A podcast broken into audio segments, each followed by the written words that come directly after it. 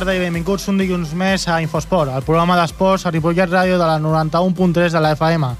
Tractarem d'apropar-vos com cada setmana l'actualitat dels clubs del, del poble i analitzar les jornades disputades el darrer cap de setmana.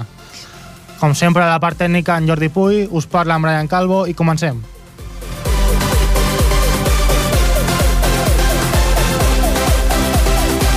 Amb vol, amb vol. Comencem amb el- amb l'handbol i per això tinc aquí al meu costat el meu company, el Nil Arteaga. Nil, bona tarda. Bona tarda. Ens porta la crònica d'aquest cap de setmana de l'handbol Ripollet. Doncs sí, el club d'handbol de Ripollet va perdre aquest cap de setmana al camp del Barberà per només dos gols de diferència, 33 a 31, partit corresponent a la jornada 4 del grup B de la segona catalana masculina. Amb aquest resultat, el Ripollet se situa vuitè a la classificació amb només 4 punts, els mateixos els que el separen del líder, que ara mateix és el Sant Andreu de la Barca. El balanç de resultats de l'equip ripolletenc després de quatre partits disputats és força irregular, amb dues victòries i dues derrotes. La següent setmana, el conjunt ballesà rep a casa el Fornells, equip que ara mateix ocupa la desena plaça de la taula, amb 3 punts. Per a més informació sobre el partit contra el Barberà, entrevistem a Pol Salat, jugador del club de handball de Ripollet. Pol, bona tarda. Hola, bona Hola, tarda. Pol. Quins ànims, quins ànims deixa l'equip aquesta derrota per la mínima al camp del Barberà? Bé, bueno, uh, aviam, és una derrota lluitada, amb moltes ganes i molta actitud, i, bueno, el que ens fa pensar és que tenim que seguir, no rendir-nos i, i ficar-li més, més ganes, entusiasme, que en aquest equip no hi falta. Sí, perquè quins, quins creus que van ser els punts claus del partit que, que van fer que el resultat acabés sent d'alguna manera negatiu? Aviam, ells tenien, tenien bon físic, bon fondo, nosaltres també, uh, va faltar el porter titular, en Xavi Llala, i bueno, es va notar una mica, però en Diego, Mm. en Diego ho va fer també molt bé. Sí. El que, clar, en aquests partits d'alta intensitat uh, perjudiquen els minuts finals i, i bueno, aviam, o tres minutets més jo, jo penso que podríem haver sortit victoriosos. Sí, quins són els aspectes que, que caldria millorar de cara a la setmana que ve? Aviam, uh, com a aspectes així claus, uh, una mica uh, marcar una mica més les jugades, uh, saber desenvolupar-nos una mica més en atac, perquè jo crec que en defensa ho tenim tot, ho tenim tot Mm, guanyat, sí. és el nostre punt fort, uh, bueno, jo penso que en aquesta temporada.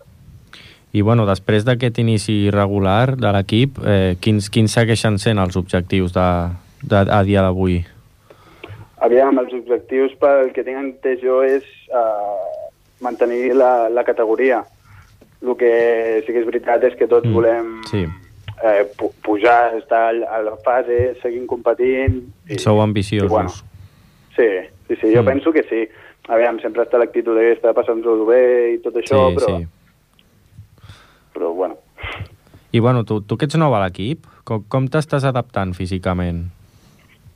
Físicament, Sí, Eh, bueno, m'ha costat una mica perquè, bueno, portava un any sense jugar i, bueno, encara al fons em queda una miqueta, però, però bé, molt bé, els, aviam, els entrens Mm. mm. són intensos i, i vulguis o no, rere, eh, dia rere dia es va notant eh, aquesta millora, però encara queda una mica més. I com veus l'equip, físicament? Bé, jo l'equip el veig bé, aviam. Eh, entrenem dos dies, eh, haurem de deixar algunes setmanes més per estar al màxim nivell, crec jo, penso. Mm. El Molt que, bé. bueno, físicament bé.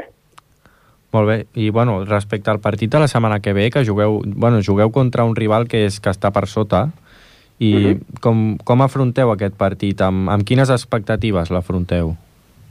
Bueno, amb moltes ganes, perquè aquests partits eh, crec que són decisius per, per bueno, al final de temporada eh, sortir beneficiats o no. I llavors aquí és on tenim que donar canya i, Mm. I bueno, aprofitar aquests moments que són els partits que, que ens donaran o no la, la alta classificació que, que Sí. portarem al final, saps? Sí, sí. Pol, repassant una mica el, la, teva, tra la teva trajectòria, abans en quins equips havies jugat? Bueno, jo jugava tota la vida a la C Montcada, Mm. Uh, vaig començar tercera, però bueno, combinava amb el Primera Nacional i anava, anava amb els dos equips, el que, el que bueno, em anaven combinant, combinant amb els dos equips. De, porto ja 13 anys jugant a, en vol i bueno, Sí. el meu únic club ha sigut la Salle i eh, bueno, aquest any el Ripollet. I la diferència de la Salle Montcada al Ripollet, quin, quin, quina és la que més aprecies? Bueno, la- l'actitud i, i les ganes de passar-s'ho bé a, en aquest equip, eh, evidentment, són, són molt millors que, que les que es respiraven allà. Jo estic molt més a gust i, i bueno, de fet, eh, juguem per, per això, per passar-nos-ho bé i competir. El... Bueno. Sí. Sí, sí. I el, el míster que, que t'ha dit, que t'ha comentat, què, què espera de tu? Bueno, això nosaltres vam venir com, com, com un reforç, eh, tant en Kevin com jo, que som els nous de- de- d'aquest any, vam venir per reforçar una mica l'equip, per tirar endavant i, i bueno, més que res per, per venir a jugar i veure la, una mica la diferència i, i bueno, més que res això. Uh, canviar una mica d'aires i, Sí. i bueno, ha estat, ha estat molt bé i ens han acollit perfectament. Com va sorgir la possibilitat de passar del Montcada al Ripollet? Et va... Com, com? Que, com va sorgir aquesta possibilitat de passar al Ripollet? El, va ser el Ripollet el que es va interessar en tu o com va, com va passar?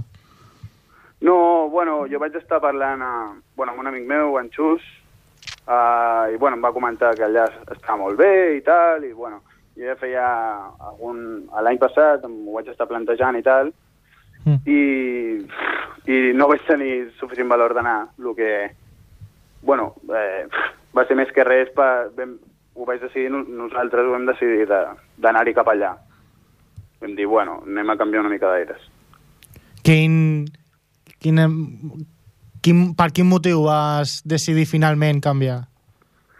Eh, bueno, perquè està una mica cremat de, de l'equip anterior, eh, de segones quines actituds, i bueno, ja és massa temps jugant amb vol i vulguis o no, doncs, doncs bueno, també per, pel treball i això, no, no em combinava bé els horaris, i bueno, vaig dir, mira, doncs així aprofito i canvio una mica.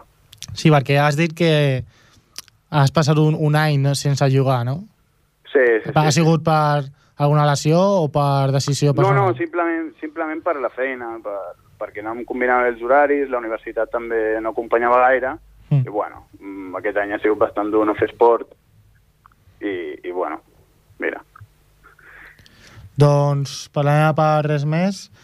Eh, esperem que continuï aquest procés de- d'adaptació a l'equip eh, molt bé i sobretot aquest punt físic que, que tu deies, que aquest fons que la Gavi Mhm. s'agafant aviat. Esperem que, que això no... Sí, sí, segur que sí. Doncs moltes gràcies, Pol. Que tingueu Vale. molta sort de cara a la temporada, Pol. vale, perfecte, Vinga, moltes gràcies. altra. Gràcies, Pol. Pirri. Adéu. Vagi bé.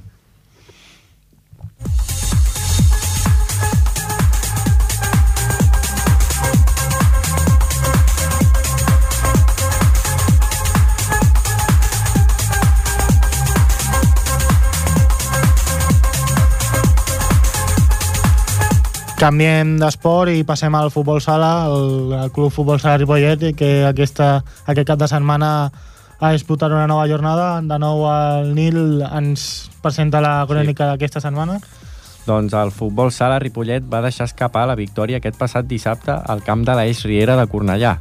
El partit va acabar amb un empat a 3 gols, que deixa el conjunt ballesà desè a la classificació el del grup 3 de la segona divisió nacional B de futbol sala. Així doncs, baixa una posició respecte a la setmana passada. En canvi, l'equip de Cornellà ha pujat un lloc i se situa setzè. L'equip de Ripollet ha trencat d'aquesta manera la ratxa de dues victòries consecutives contra el Salou i el Pallejà i suma així el primer empat de la temporada. Recordem que el balanç de l'equip després de set jornades disputades és força equilibrat, amb tres derrotes, tres victòries i un empat. La setmana que ve, el futbol sala Ripollet rep dissabte a casa el Playas Castellón, equip que ara mateix ocupa la setena plaça de la taula i que ve de derrotar aquest cap de setmana a l'Hospitalet per 5 gols a 2. Respecte al partit davant l'Eix Riera de Cornellà, aquest cap de setmana, parlem amb Sergio Oruj, que ens aportarà més informació. Sergio, buenas tardes. Buenas tardes, Sergio. Hola, buenas tardes. En un campo complicado como el del Cornellá, donde habéis jugado este fin de semana, eh, ¿el empate 3 final lo consideráis como un buen resultado? Hombre, como fue el, tal como fue el partido, sí, porque íbamos perdiendo 3-1, a falta de 5 minutos empatemos, quedando 5 minutos perdíamos 3-1. Sí. Y eh, a falta de un minuto Sí, empatemos a 3 y tuvimos ocasión de meter el 3-4. Y bueno, Sí, pues, sí, dime, no di. que el resultado es positivo si esta semana sumamos los 3 puntos, si no, no. Y bueno, ¿cuáles son los aspectos de este partido que, que os, que os gustaría corregir de cara a la semana que viene? O sea, de esta Ah. semana. Pues el juego con pelota, que estuvimos, no estuvimos muy, no jugamos muy bien con la pelota, no estuvimos muy Sí. cómodos en esa pista, que era un- una pista complicada, pequeñita, y Mm. no estuvimos, no estuvimos muy a gusto en la pista.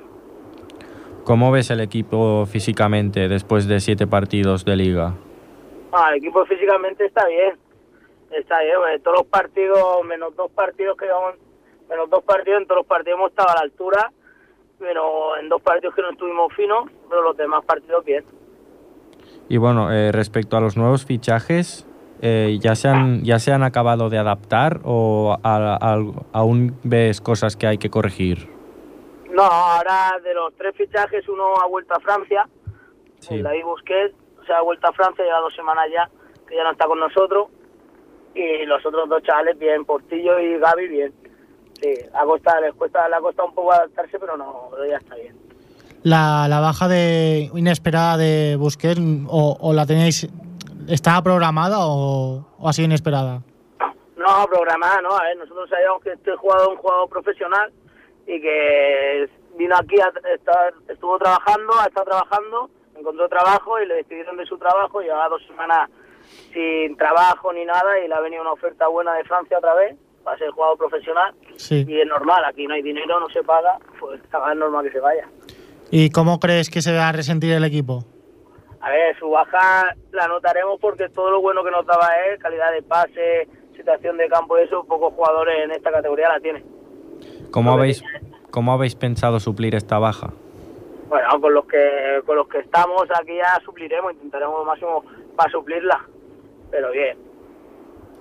De- después del comienzo irregu- irregular que habéis tenido en la liga, eh, ¿el equipo sigue mirando hacia arriba a la tabla? ¿Es, ¿Seguís siendo ambiciosos?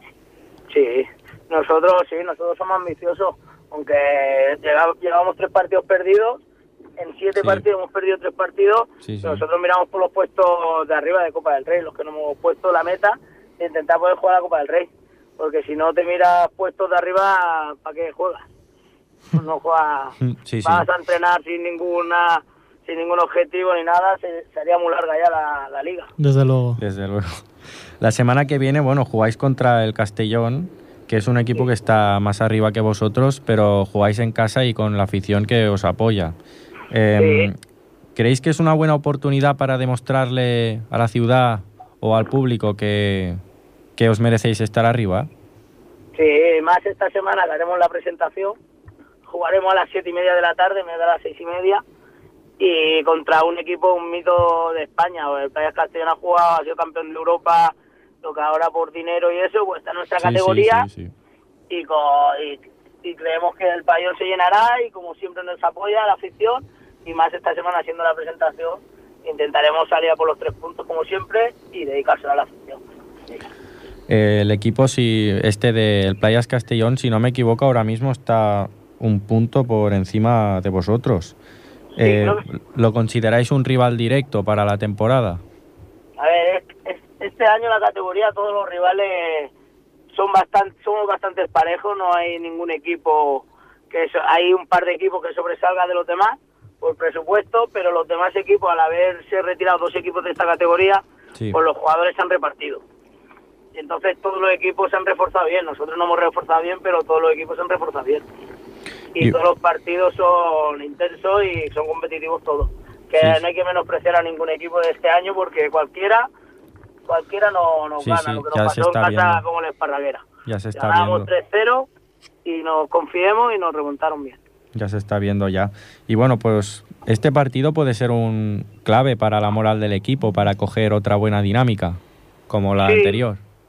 Sí, eso esperamos.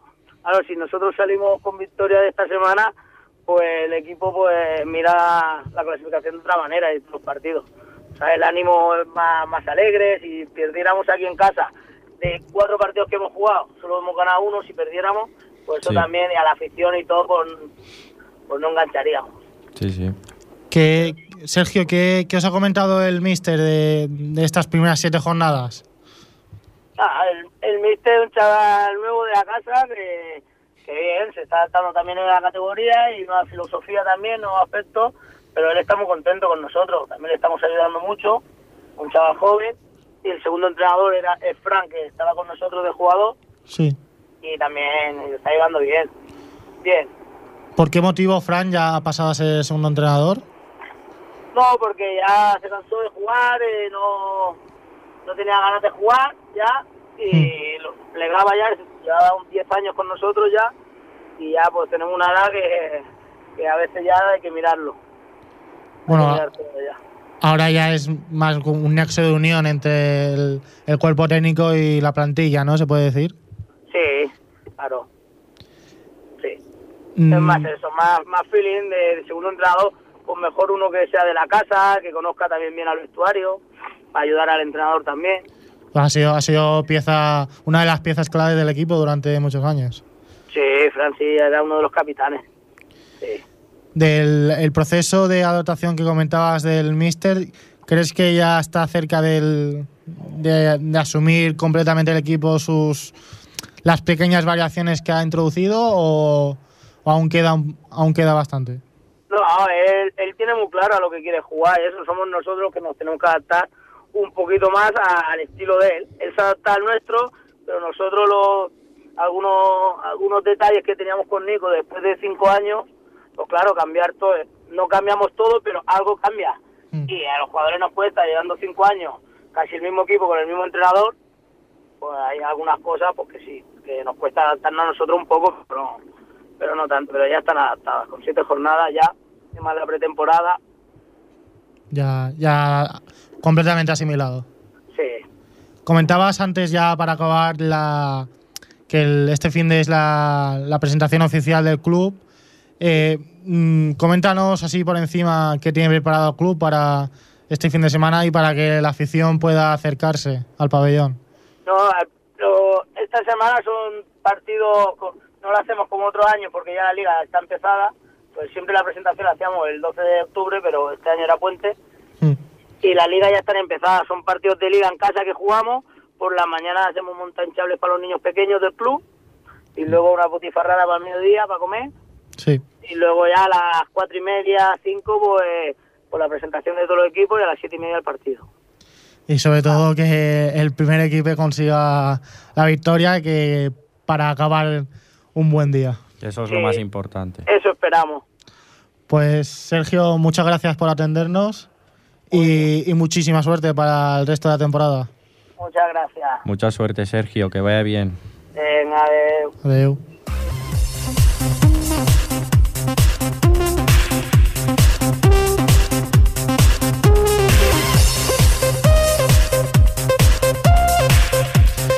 Canviem d'esport i anem cap al tenis taula, al tenis taula Ripollet, que aquesta setmana ha jugat a casa davant el establecimientos Otero Cambados. El Ripollet ha, ha perdut 2 a 4, on l'equip està format pel Miquel Arnau, el Joan Masip i el Julio Andrade. El, el Miquel Arnau ha guanyat un punt i ha perdut un altre, el Joan Masip ha guanyat també un i ha perdut un altre, i finalment el Julio ha perdut a, els dos darrers punts, bueno, els dos altres punts. El proper partit del Ripollet serà d'aquí a, a diverses setmanes, el 7 de novembre, davant el Monteporreiro, una altra copa a casa com a local, i només bueno, dir que, que estan tercers a la classificació, amb cinc jornades disputades, eh, amb tres victòries i dues derrotes. Eh, tenim amb connexió telefònica el Miquel Arnau. Miquel, bona tarda. Hola, bona tarda. Com, explica'ns com va anar el partit. Bueno, un partit molt igualat, com es, es preveia. Uh, vam començar guanyant 2-0.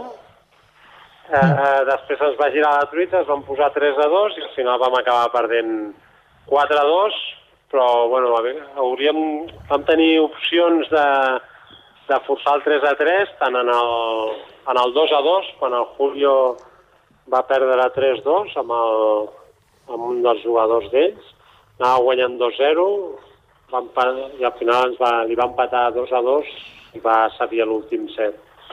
Uh, I després jo també en el, a l'últim partit, amb el 3 a 2 en contra en el marcador general, Sí. el primer 11 se'n va escapar 15 a 13 eh, i vaig acabar perdent 3 a 1 al partit, però també tots els 11, 11 a 9, arribar a les avantatges... No, va ser un partit molt igualat, va caure per part dels altres. Sí. Una llàstima, perquè, bueno, tots els partits són així i alguns van cap a, ca- cap a casa i altres se'ns escapen, no? Però, bueno, però contents perquè va ser un bon partit i va ser, va ser molt igualat. Sí, molts, molts punts igualats. La- Sí.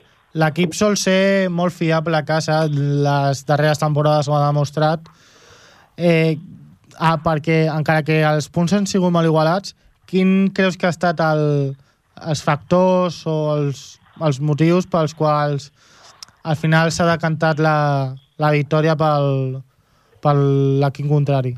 Doncs al final són, són detalls, perquè, perquè els punts que vam guanyar també podíem haver perdut.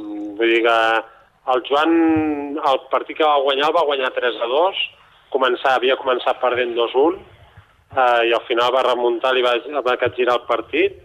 Eh, el partit que jo vaig guanyar va ser 3-0, però, però també va ser enganyós, perquè va ser un 3-0, però tots els 11 per avantatges.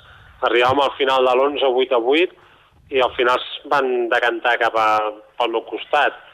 Per exemple, que jo vaig guanyar 3-0, després el Joan va perdre 3-1. Eh, quan el Joan realment està, està fent una temporada molt bona. Vull dir, en aquest sentit es veu que, que, que eren jugadors molt igualats, nosaltres també, i bueno, es va decantar cap a ells, i podia haver-se decantat cap a nosaltres, no? Sí. Eh, bueno, són... és, la categoria és així i ja, bueno, ja ho sabem, no? Llavors, clar, la, la pena és que se'ns va escapar un partit que es podia haver guanyat. Però bueno, també som conscients que podem perdre, per tant, sap greu, però ho vam donar tot, això segur. Llavors Sí. ens quedem amb la tranquil·litat d'haver d'haver-ho lluitat i que no va poder ser. Esperem que quan juguem allà puguem treure una victòria. Parlaves del Joan, el Joan Masí, que, bueno, que és, com l'afició sap, és el, el nou fitxatge del club pel primer equip del masculí. Eh, com l'estàs veient? Eh, quin, en quin procés de- d'adaptació creus que es troba? Perquè la veritat és que s'ha, el veiem que està donant la cara a, a un gran nivell. Sí, sí, sí, és un jugador que, bueno, és, és, és jove, però té molta experiència, ha jugat finals de campionats d'Espanya, ha anat a campionats d'Europa juvenil, l'any passat, justament. Està entrenant al CAR de Sant Cugat, estan entrenant 5 hores diàries i estan fent preparació física, també, estan Sí. sí. cada dia. Eh, per tant, està en una progressió espectacular, no? Eh, porten entrenant des del 15 d'agost també aquesta temporada. Eh, Vull dir, físicament està molt bé, el joc també, i, i en principi ha d'evolucionar cap a més no? durant la, aquesta mateixa temporada. Tot i així ha començat molt bé la, la Lliga de Divisió Honor, cosa que no havia jugat mai a la Divisió Honor. Mm. Vull dir que realment home, estem molt contents amb ell i ha sigut un gran fitxatge, inclús per quan tinguem la categoria juvenil als campionats de Catalunya i d'Espanya, no? que tindrem un bon equip aquest any, per intentar aspirar a fer alguna a nivell de campionats d'Espanya i de a nivell, Catalunya. a nivell estatal. Eh, a, de quin equip... mm, Bueno, quina és la trajectòria que tenia el Joan? El Joan portava, bueno, és, és d'Igualada i jugava en el, en el club de tenis taula Igualada, en el club ping-pong Igualada, Sí. i el que passa que, bueno, se li va quedar, se li va quedar petita perquè va estar jugant l'any passat a Primera Nacional, com, com estàvem nosaltres, amb l'Igualada, ja portava unes quantes temporades jugant a Primera Nacional, fent bons resultats, portaven dos anys també anant a la fase d'ascens per pujar a Divisió Honor, però, però no, no ho han aconseguit, no? Uh, I llavors, clar, ha arribat un moment que dintre de la seva progressió necessitava fer aquest pas de categoria a nivell de lliga, no? I, i justament com que nosaltres vam, vam poder pujar la categoria Divisió d'Honor, doncs eh, li vam oferir la possibilitat de venir a Ripollet, perquè nosaltres, per nosaltres era un reforç. Ella a Igualada estava jugant com el base de l'equip, no? i fent punts, i sabíem cap de la seva progressió. Sí. Per tant, clar, a nosaltres ens feia falta un, un jugador d'aquestes característiques per intentar anar a buscar la permanència Mm. i ser quatre jugadors a l'equip, no? Per sempre hi ha possibilitats de que algú es lesioni, de, de fets que no hi comptes, no? I, sí. bueno, ell va accedir, ell content, nosaltres contents, per tant, per ell és una experiència jugar a Divisió d'Honor i ho necessitava, i per nosaltres és un reforç, per tant, perfecte, Tots contents. tots contents, sí. Parlaves de, de que sou quatre jugadors, el, el, bueno, tu, el, el Joan, el Julio i el Raül. Aquesta setmana heu jugat el, el Joan, el Julio i tu. Per Sí. Eh, hi ha algun motiu pel qual no hagi jugat el Raül?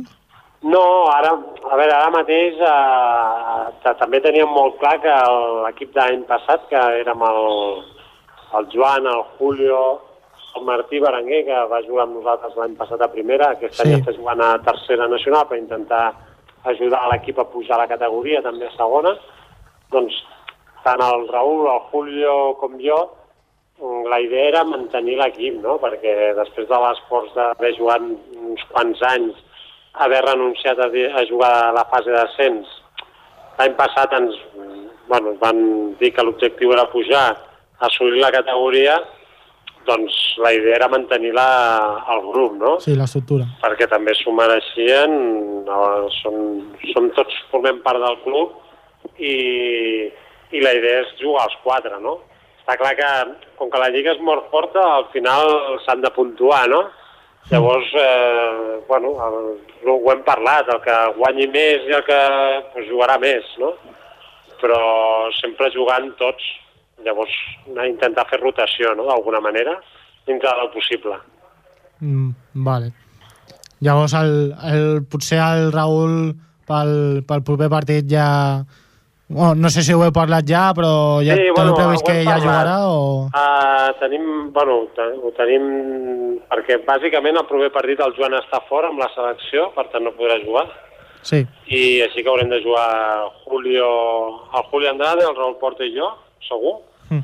i després vindrà el desplaçament a Galícia, que fem dos partits, i això també ho tenim parlat vale. entre els companys, vull dir, no, no hi ha cap problema. Més o menys ho tenim parlat, també el Julio és pare, ha sigut pare del mes d'agost, Sí, Mm, Vull dir que llavors també s'ha de compaginar tot, per tant no, no, no hi ha cap conflicte ni problema, no? Estem tots, ens posem d'acord i ja està. oh, felicitats des d'aquí al Julio, ja quan, quan tinguem l'ocasió d'entrevistar-ho li donarem personalment, però Vale. des d'aquí les nostres felicitacions. Vale. I bueno, parlaves del proper rival, el Monte Porreiro. Com, com veus el partit? Bueno, és un partit que és dels rivals a batre, no? De, de, dels que, bueno, ens podem jugar la, la categoria, seran els que jugaran la permanència, i bé, la pena és que no pugui jugar el Joan, no?, en aquest cas també, perquè, Mm. perquè realment el Joan està fent un molt bon percentatge de victòries, però bueno, mm, jugarem a, als tres que, que jo crec que també hem de tenir les opcions per guanyar. Juguem a casa i és un, és un, jo crec que és un partit important. És un partit important, ells vindran aquí, faran un triple desplaçament, per tant jugaran amb el Borges, amb, amb el nosaltres i el diumenge amb el Calella, i esperem que no s'emportin gaires victòries del viatge aquí, Sí. Com, perquè com, cada setmana al Camp Bados es van portar les tres. com, com a mínim que, que aquí a Ripollet no se l'emportin. Exacte, exacte, com a mínim que no s'emportin aquí i, i, bueno, i també a no- a nosaltres el que ens va bé és que hi hagi el màxim de d'equips catalans Clar. possibles a Divisió no, no? Perquè així hem de fer menys desplaçaments. Exacte. Per tant, també ens interessaria que tant el Calella com el Borges, eh, com nosaltres, no? poguéssim mantenir la categoria i l'any que ve pugés algun català més, no? Sí, perquè el, bueno, ja ho hem parlat molt de l'economia del club, que per l'economia molts, hi ha hagut anys en què heu, de, heu hagut de renunciar a les fases d'ascens. Sí. Aquest any sí que l'he pogut assolir, però igualment eh, s'agraeix, m'imagino que s'agraeix molt que quants menys desplaçaments llargs tingueu millor. Ah, exacte, sí, no, realment s'agraeix molt. Vull dir, clar, la, inclús eh, si, si mantinguéssim els tres equips de la categoria, estic segur que els equips de primera que tinguessin opcions a pujar, això ho valorarien també, no? Mm. En el sentit d'anar a jugar a la fase d'ascens o no, amb opcions a pujar, perquè sempre si tens més equips eh, sempre fan el, la, per proximitat, no?, els grups, Sí, per tant, clar, eh, sempre surt més econòmic com més equips catalans hi hagin, menys desplaçaments. O sigui que és un benefici per tots, això. sens dubte. Quan, quan menys gas, eh, despeses tingueu, doncs, Exacte, més exacte. possibilitats de, de, De mantenir. de mantenir, exacte. Ja la última per acabar, eh, bueno, aquesta setmana que he perdut davant l'Otero Cambados, que són els líders, és, és una sorpresa o creieu que és el, un rival a tenir en compte per, per, la, per un hipotètic ascens? Mm, no crec... Bueno, ara, ara és puntual, jo crec, eh? Ara ells han fet un triple desplaçament, han guanyat els tres partits, per tant s'han disparat cap a dalt, no? Eh, és provisional. Eh, jo crec que és un equip mm, bo, és un equip bo perquè és compensat, són tres jugadors nacionals, però d'un nivell alt i és molt compensat. Els tres jugadors tenen un nivell molt bo. No hi ha cap que sigui més fluix, no? Uh, no sé si mantindran el, la primera posició, ho dubto, perquè hi ha equips més forts. Uh, I a més, jo considero que és un equip que podem, podem guanyar, vull dir, per tant, pot ser que estiguin a mitja taula. Clar, han tret tres victòries, per tant, això els dona un, un Cert molt d'oxigen, realment. Sí. Uh, és per, per almenys per mantenir la categoria i segurament per intentar aspirar a estar a les posicions de dalt. Doncs bueno, es- esperem que al final de la taula que, de, la, de la temporada, que és el que importa, eh, pugueu estar per sobre de, de, tant de l'Otero com del major nombre de- d'equips de, possibles. Esperem-ho, esperem-ho. Doncs Gràcies. moltes gràcies, Miquel, per atendre'ns i molta sort per les properes jornades. Molt bé, moltes gràcies a vosaltres. Fins la propera. Adéu. Adéu.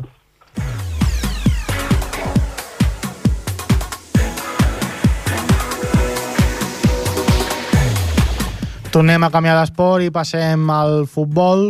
Tenim aquesta setmana la, bueno, la, una crònica i l'entrevista del, del club del Camp Mas.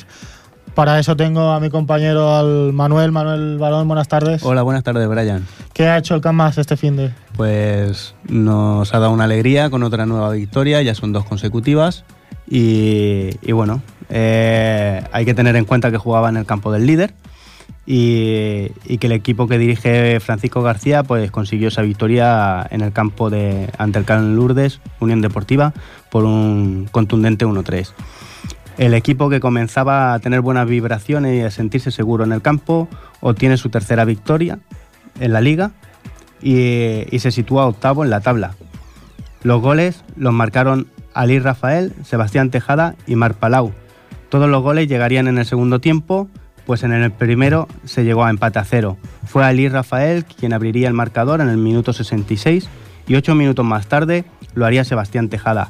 Aunque en el minuto 78 el equipo del Lourdes Unión Deportiva acortaría distancia, pero no fue suficiente para amedrantar a un equipo que jugaba entusiasmado y que a cuatro minutos del final sentenciaría el partido con una diana de Mar Palau.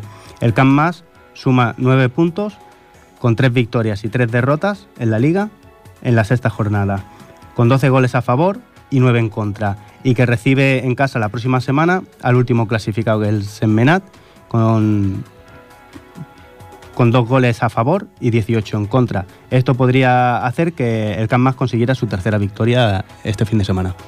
Tenemos en línea telefónica al presidente del CAMAS, a José Luis, Pérez. José Luis, buenas tardes. Hola, buenas tardes. Hola, buenas tardes, José Luis. Felicidades ante todo por esta tercera victoria del Camp Mas, la segunda consecutiva. Eh, el técnico Francisco eh, nos comentaba que el equipo empieza a sentir buenas vibraciones y a sentirse seguro en el juego. ¿Cómo valoras tú el equipo y, y el trabajo del cuerpo técnico? Hombre, pues ahora mismo la verdad que la dinámica es muy buena y le están poniendo muchas ganas y se, tra y se trasladan en los resultados. ¿Cómo se siente ta- esta tercera victoria? Hombre, eh, piensa que el equipo donde fuimos a jugar el sábado este era, estaba imbatido, no se perdió hasta ahora y la verdad que se disfrutó. Costó trabajo, sacrificio, pero se disfrutó. La verdad que el equipo eh, estaría mucho mejor clasificado si no hubiera sido por el resbalón del primer, del primer partido de jornada contra, el San Fos, que se nos fue el partido, ¿no? Pues sí, pues la verdad que la primera parte contra Sanford fue estupenda, fenomenal, se hizo un buen juego, llegamos con 2-0 y mira, supongo yo que son fallos típicos de principio de temporada que salió mal. Bueno, hemos tenido la capacidad de poder levantarnos, seguir trabajando y los resultados van llegando. Eh, háblenos del equipo. ¿Los jugadores son los mismos de la pasada temporada o hay nuevas incorporaciones? Eh, la verdad, pues cerca del 70% en la misma plantilla del año pasado y varias incorporaciones. El- uno el tal Leo de la Llagosta, hay del Moncada, otro de la Llagosta, más los chavales que han salido del juvenil del Ripollet. Bueno, o sea, se ha incrementado la, la plantilla y con mucho nivel. ¿Y cuáles son las aspiraciones del equipo en esta temporada? Hombre, de momento vamos mirando partido a partido y, todo lo que se pueda mirar para arriba. La verdad que no tenemos, no nos vamos a poner límites. O sea, es siete partidos, ir ganando y ganando, ir, ir viendo dónde estamos y a partir de mitad de temporada, según donde estemos, pues ya miraremos en, un futuro hasta dónde queremos llegar. La verdad que no tenemos, o sea, no nos hemos puesto ningún límite. Los jugadores, como los ven, no, no tienen ellos una mentalidad de decir queremos ir mucho más, mucho más arriba. No tienen, ¿Cómo ve el hambre del equipo? Sí, sí, ellos, ellos, los chavales, suerte que tenemos también, los chavales son muy hambrientos, tienen ganas de hacer cosas y cosas buenas, y ellos sí que quieren mirar para arriba. Y ellos intentan, bueno, intentan sacar lo mejor de ellos cada partido para estar lo más arriba posible. Y no cierran las puertas a, a nada, vamos. Ellos son los primeros, ¿eh? Eh, en dos partidos, en estos dos últimos partidos, porque eh, el pasado partido también ganasteis 4-0 al, al Canovella en casa y en este 1-3, o sea, el equipo eh, cara a puerta gol mm, está mejorando mucho.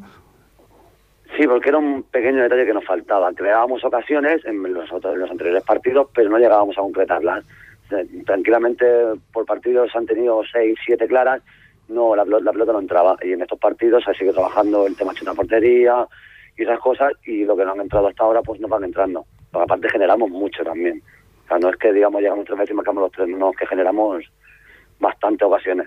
Y este, dos partidos que estamos muy afinados a sacar la portería trabajo. O sea, es, se ha trabajado eso específicamente y se ha podido mejorar. Pero porque los chavales son los primeros que quieren mejorar en los aspectos que ellos fallan. Desde luego. Los chicos que nuevos que han, que han llegado al club, eh, ¿cómo estás viendo su proceso de adaptación? No, muy bueno. La verdad que los chavales han hecho una buena piña, un buen grupito y yo no los veo ni que estéis haciendo nada, to- todo lo contrario. Todo lo contrario. Es un buen grupito, un grupito joven, que tienen ganas, tienen ilusión y, y la están haciendo y lo están poniendo. Los que han, bueno, comentabas de un jugador que ha llegado de la Llagosta, otro de Moncada, lo, pero hablando del más cercano, de por lo menos geográficamente, el, el Ripollet, de los juveniles que han llegado del Ripollet, la, la filosofía del Ripollet comparada con la de Can Mas es muy diferente, es parecida. No, porque en teoría ellos sí hemos llegado a una, bueno, llegamos a un acuerdo de afiliación por el tema este, mm, de que intentar hacer las cosas bien, que aprovechar el fútbol de los chavales jóvenes que hay aquí en Ripollet, porque piensa que el 95% de nuestra plantilla son gente de aquí del pueblo, Mm. quitando dos, tres, tres, cuatro jugadores, todos son del pueblo. Y eso había que aprovecharlo, aquí hay mucho fútbol, muchos jugadores con bastante calidad, y trata de eso, y darle minutos y hacer un buen equipo. ¿El Mister también es del pueblo? Sí, sí, sí, el míster también es de pueblo. Eh, somos, bueno, la mayoría de que confundimos el club somos del barrio del Camp por eso llevamos ese nombre.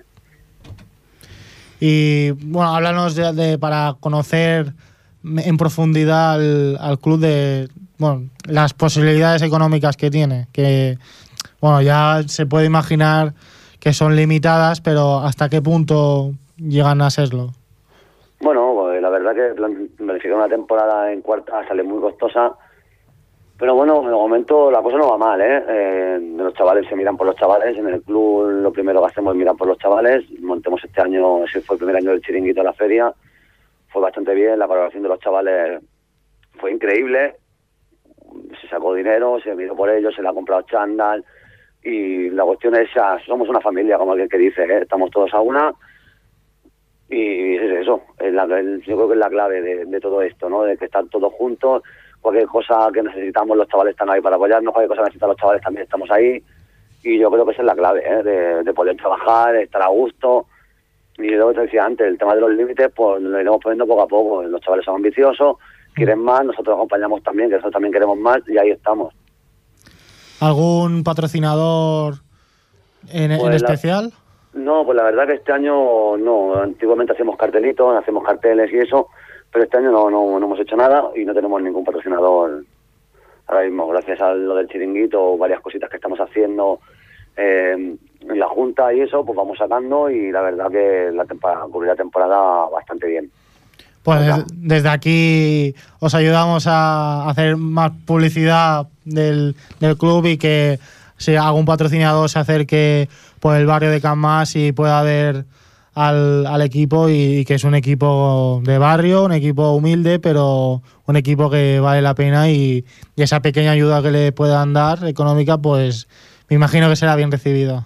Pues sí, la verdad que sí, no, no vendría mal porque cuesta mucho trabajo.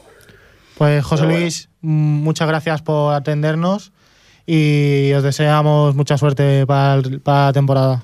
Pues muchas gracias a vosotros y aquí para lo que queráis. Muy ¿Vale? Perfecto, hasta la próxima. Venga, hasta luego, Hasta la merci.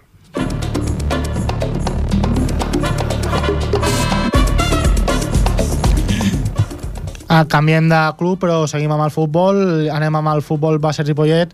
Per analitzar-ho tenim el nostre company, el Marc Mata. Davant, Mata. Bona tarda. L'escola no aconsegueix puntuar davant el júnior. Ahir diumenge l'escola Futbol Base Ripollet va perdre a casa davant el júnior per 4 a 2. La primera part va ser una part difícil pels ripolletens, tot i que van tenir moltes oportunitats de gol i el porter local va fer unes bones aturades de pilota, va estar dominada pel conjunt visitant. En el minut 28 els del júnior van marcar el primer gol en un remat des de dins de l'àrea. Els ripolletens lluitaven jugant i remenant la pilota sense encarar la porteria. El segon gol visitant va arribar en el minut 35 i un minut després el júnior va marcar el tercer gol visitant. Tot i anar perdent, l'escola no va deixar de lluitar per intentar marcar gol. La primera part va acabar amb el marcador 3 a 0 a favor dels visitants. El segon temps va començar amb una escola llançada a l'atac i el primer gol als dos minuts de l'inici, un gol marcat pel Cristian. Fruit de la lluita dels dos equips, amb una actitud molt ofensiva, el partit es va endurir i vàrem començar a veure com l'àrbitre començava a treure targetes grogues. En el minut 65, l'àrbitre va expulsar a dos jugadors del júnior, un que estava al terreny de joc i l'altre a la banqueta. El segon gol ripolletenc no va trigar en arribar. En el minut 66, l'Albert Córdoba va marcar el segon gol per l'escola. En el minut 87, l'àrbitre va expulsar un jugador ripolletenc per protestar, el Gustavo. A dos minuts del final del maig, el júnior va tancar el marcador, marcant el quart gol visitant. Al final del partit, el David Linero, jugador de l'escola Futbol Base Ripollet, va parlar pels micròfons d'Infosport. Os ha costado marcar gol. ¿Podríamos decir que la segunda parte lo habéis tenido más fácil? Sí, no, nos ha costado. En la primera parte hemos salido dormidos, no, no hemos jugado como tenemos que haber jugado. Y la segunda parte, pues hemos despertado y creo que hemos creado más ocasiones que la primera parte. El árbitro ha expulsado dos jugadores del otro equipo, uno de- que estaba en el campo y el otro en, en el banquillo. ¿Qué te ha parecido esas dos expulsiones? No lo sé, al- es decisión del árbitro y lo que decía el árbitro siempre es lo que es. A ver, el árbitro es como un policía en, en el campo, él, tiene la, la justicia y si decide expulsarlos, pues a su libre, a su libre elección. A siete minutos del final habéis tenido una buena oportunidad para marcar el, el que sería el que hubiera sido el tercer gol vuestro. Sí, a ver, ya llevamos bastantes partidos que tenemos mala suerte al acabar en, en portería, pero a ver, ha sido hoy no ha entrado y a ver si al siguiente partido entrará. No creo que tardemos mucho en, en reponernos y, y marcar ya y ganar partidos. ¿Y qué te ha parecido la expulsión de a vuestro compañero Gustavo a tres minutos del final del partido? Lo sigo diciendo, lo creo que la justicia es el árbitro, pero yo creo que ha sido él decide y nosotros lo tenemos que acatar, pero no me parece, no me parece justa, pero tampoco ha sido justa alguna de los contrarios y, y habrá que acatar lo que diga el árbitro. Eh, justicia. hemos visto unas cuantas faltas en el partido. Sí, a ver, ha sido un partido que a lo mejor parece que no, pero ha sido se ha ido calentando, pero yo creo que no ha habido más rollo entre jugadores ni nada, pero yo creo que ha sido por justicia del árbitro que a lo mejor ha pitado tarde o no ha sabido pitar bien a, a la hora para los dos equipos. ¿Cuál es tu valoración del partido? El partido ha sido que nos hemos dormido, mu- nos hemos entrado, hemos entrado dormidos y al final pues hemos despertado, pero hemos despertado tarde. ¿Cómo, cómo afrontáis el partido de, de la semana que viene contra el Marina? Pues eh, otro partido nuevo, otra, es otra, otra liga, es otro partido, es otro mundo y, tenemos que ir cada partido con un mundo diferente y lo único que nos cuesta es reponernos y salir a comernos el partido. L'equip es situa últim a la classificació amb dos punts, dos partits empatats i sis perduts. La setmana que ve s'enfrontarà al Marina, un equip que va quatre posicions per davant d'ell i amb cinc punts de diferència. Canviem per un tingot de- d'esport, anem cap al Club Patinatge Artístic de Ripollet. Eh, L'Elna francès ha, ha obtingut la medalla de bronze al Campionat d'Espanya a la Vi. Celebrat al, a Zaratan, Valladolid, acollia l'últim Campionat d'Espanya de la temporada, la categoria la i el, com deia, el Club de Patinatge Artístic Ripollet eh, estava, present, estava presentat per representat perdó, per tres patinadores, la Teresa García amb figures obligatòries, a més de l'Elna francès i, i l'Aina Lafuente en lliure. Eh, L'Elna francès, eh, patinadora del primer any a la Vi, va, va poder aconseguir superar moltes de les seves rivals i pujar a la tercera plaça del podi, gràcies a un disc dur i ja perfecte sense errades en els salts. Un gran resultat del seu primer any en aquesta categoria. L'altra patinadora del club, l'Aina Lafuente, va acabar una meritòria en cinquena posició. En figures obligatòries, la Teresa García va poder ser sisena d'una prova molt disputada. Uns bons resultats doncs, que col·loquen les nostres patinadores de Ripollet a, a l'elit de la seva categoria. També comentar un resultat del bàsquet del primer equip del masculí que aquesta setmana ha perdut 69-57 davant el Badia i desitgem, li desitgem millor sort en les properes jornades.